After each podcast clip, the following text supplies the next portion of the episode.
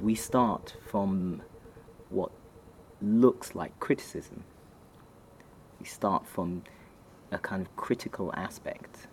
And then for us, this critical aspect then begins to take on what looks like fiction. Fons. Obres de la col·lecció MACBA explicades pels artistes.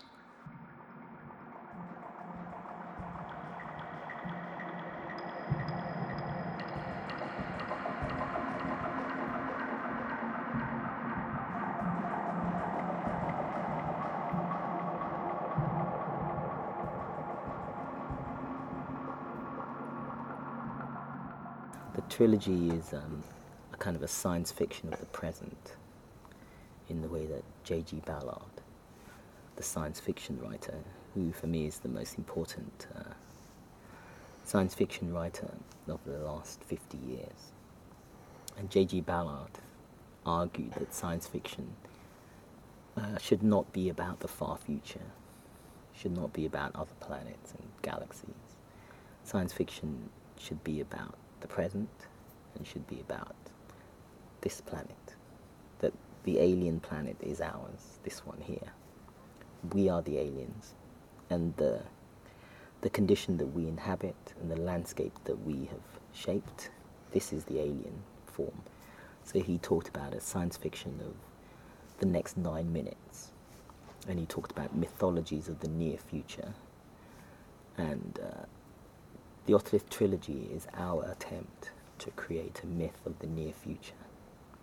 So that what is important to us about the Otolith trilogy is not only the content, but the temporality, the time within which the films are set, the way in which the films have a, a fictional framework in the future in order to approach the present. And within this present, the past re emerges or is reimagined differently. So for us, it is a very complicated temporal process in which future, present, and past have been folded into a very complicated logic, which challenges the uh, inherited chronology of past, present, and future, in which some revolutions and political projects are in the past, in which capitalism controls the means by which the future is produced. And the future is always made safe for capitalism, and different kinds of politics are always in the past and are always ruined and are always in pieces. And we don't believe in this. And so part of our interest in science fiction is to challenge the politics of time and the politics by which past, present, future are described, the way in which certain political projects are described as progressive and modern, and other political projects are described as old and historical and in the past.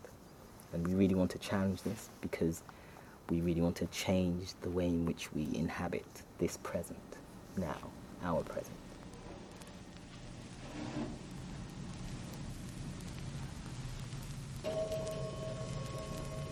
One morning in 1955, people woke up to find themselves living in someone else's utopia. A city planned down to the last detail Chandigarh. Let this be a new town, symbolic of the freedom of India, unfettered by the traditions of the past, declared Prime Minister Nehru. An expression of the nation's faith in the future. In 1962, architects could still build the future. Everyone else just lived in it. We work very much with sound, yes. I mean, that's we both come from a uh, sonic background in some ways. We work with um, elements from other people's soundtracks or work with other people's music, um, which we will turn into punctuations and turn into uh, and layer and um, complicate and montage, if you like. Our work is not about illustration, so the sound and the image are not supposed to illustrate each other. They come together for reasons that are based on the logic of the film. So um, that is what we unfold in the editing process.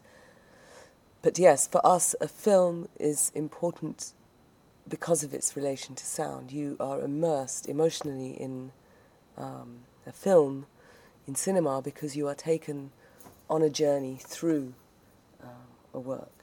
So for us, sound is a very important part of how one relates to the image and vice versa. In Otolith too, there's um, some parts of it come out of uh, some collaborations I did with a musician called Jem Finer. Same with Otolith 1. Uh, there's some of the music's been created by myself and a soundtrack uh, writer called Trevor Mathison. Yeah, each each project demands its own solution. Each project um, demands its own relation between sound and image. But um, what's important is that the sound has its own autonomy. So the sound goes one way, the voice goes a, its own way, and the image goes another way. So you have three, three elements which are traveling on their own path. And every now and then they touch each other on their way somewhere else. The sound touches the image as it's on its way towards the horizon. The voice grazes the music as it's traveling on its way.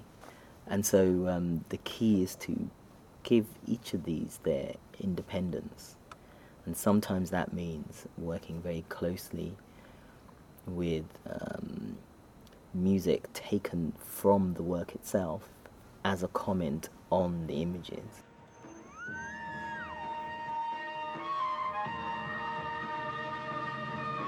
This could be the boy. He has a solitariness about him. Could you believe he could make friends with an alien stranded in Region 3?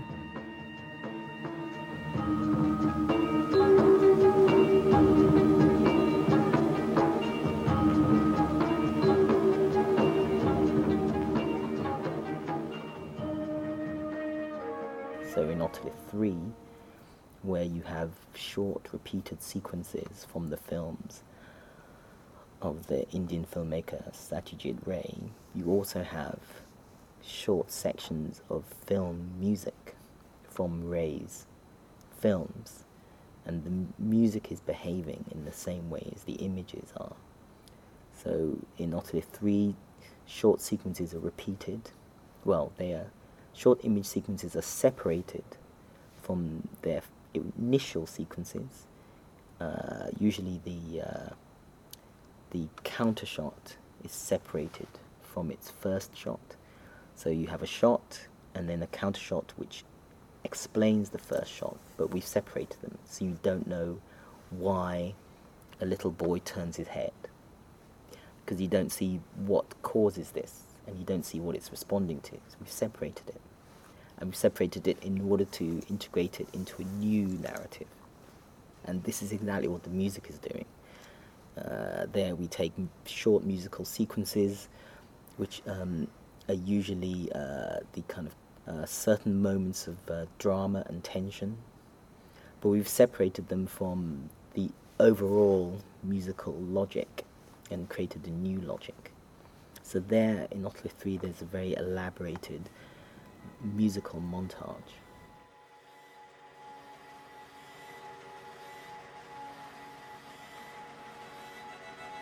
We are death. What we call life is the slumber of our real life, the death of what we really are. The dead are born, they don't die. The worlds are switched around in our eyes. We are dead when we think we're living. We start living when we die.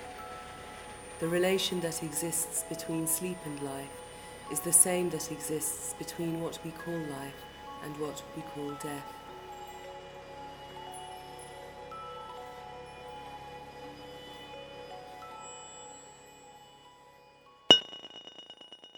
Nervus Rerum is hardly a documentary.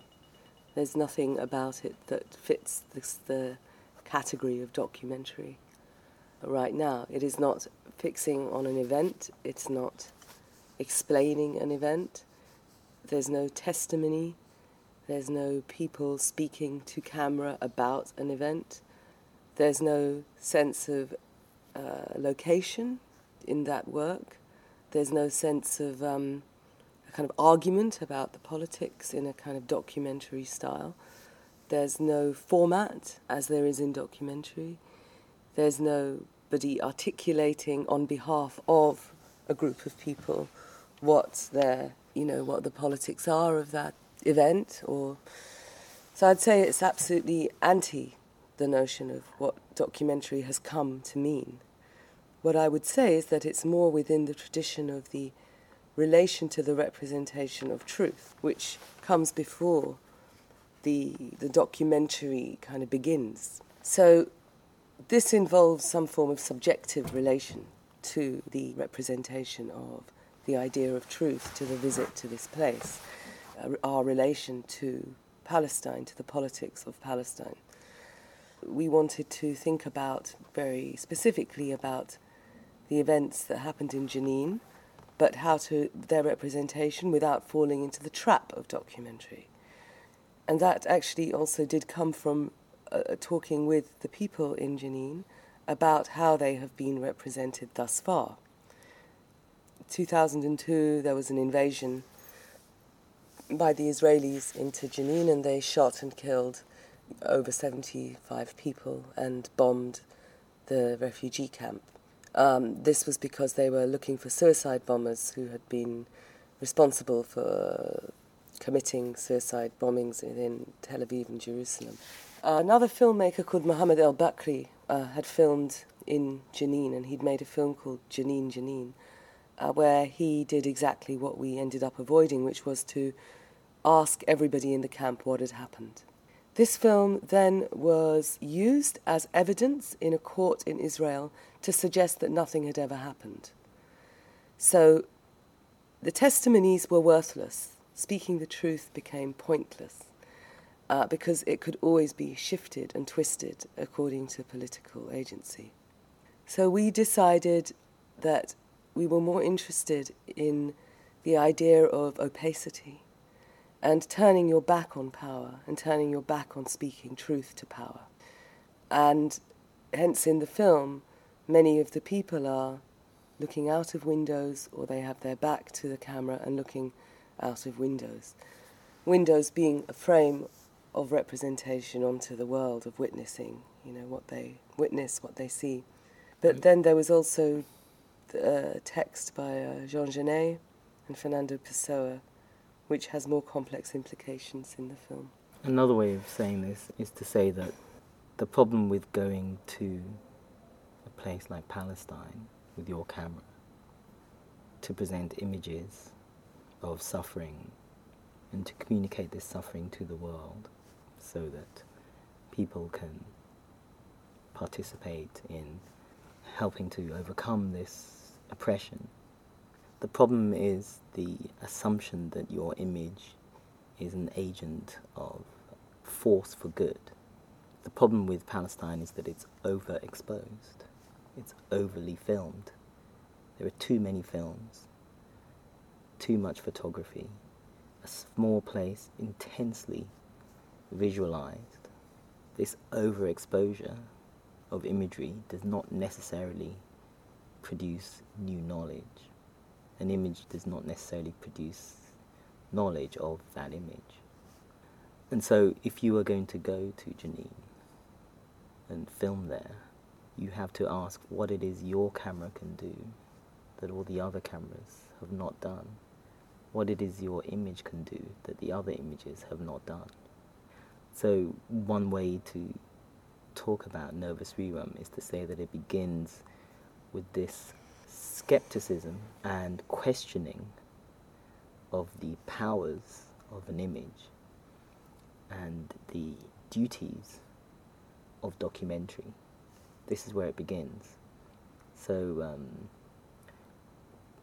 Nervus Rerum, Nervus Rerum is an anti documentary in the sense that it is dissatisfied with what a documentary is, with the duties of an image and the obligations of sounds.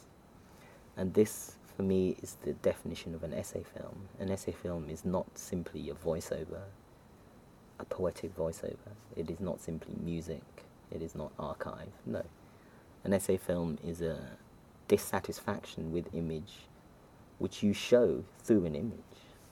It's a, a, a skepticism towards a voice which you show through using voice.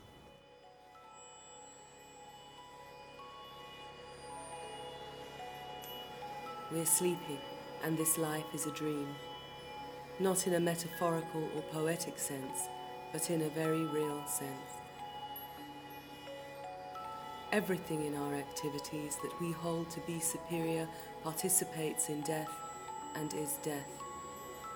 What are ideals but an admission that life is worthless?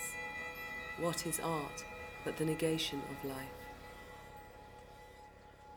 And so the methods we work with, in particular the notion of the essay film, which we generalize from the essay film through to the photo essay, through to the video essay, through to the audio essay, and which we call the essayistic. For us, the essayistic is this form which cancels the difference between these three practices, between curating, creating, and criticizing, and makes it very hard to understand the difference. It's very hard to see where one begins and one ends. So for us, it gets very hard to even recognize the differences because for us, the essayistic is a way of a method of linking. It's a method of creating a constellation. So for us, we always have a theoretical question, but this theoretical question cannot be illustrated or visualized. The theoretical question has to find a dramatic quality and it also has to find an independent capacity. So the theoretical question has to find its own life as a question which has some urgency. So the question matters to us. So, for example, the theoretical question that is really important to us now is how do you represent abstract economic crisis? How do you represent an economic crisis which is abstract in its causes but concrete in its effects? Rabindranath, Karl Marx, Cleopatra, Othello Bush, Helen of Troy, Shakespeare, Mao Zedong, Don Brad. না না না বলছি Rabindranath Karl marks Cleopatra অতুল্য Ghosh Helen মাও Zedong কি কি বলছেন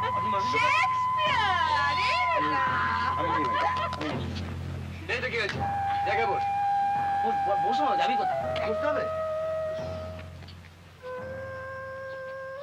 Rabindranath Karl marks But there is a point when we know the work is ready, which is this point of non recognition, which is the paradox in which, after you've worked on an edit every day and every night for mm. four weeks, and then you look at the work and you don't know what you've done. But this is when the work is ready. When you look at it and you think, what is this? That's when you think that's it. Then It's almost ready. like the subconscious of the film. Yeah, in other words, this mm. point when the work achieves its own autonomy, even though you know every element in the work, nonetheless the work is entirely alien.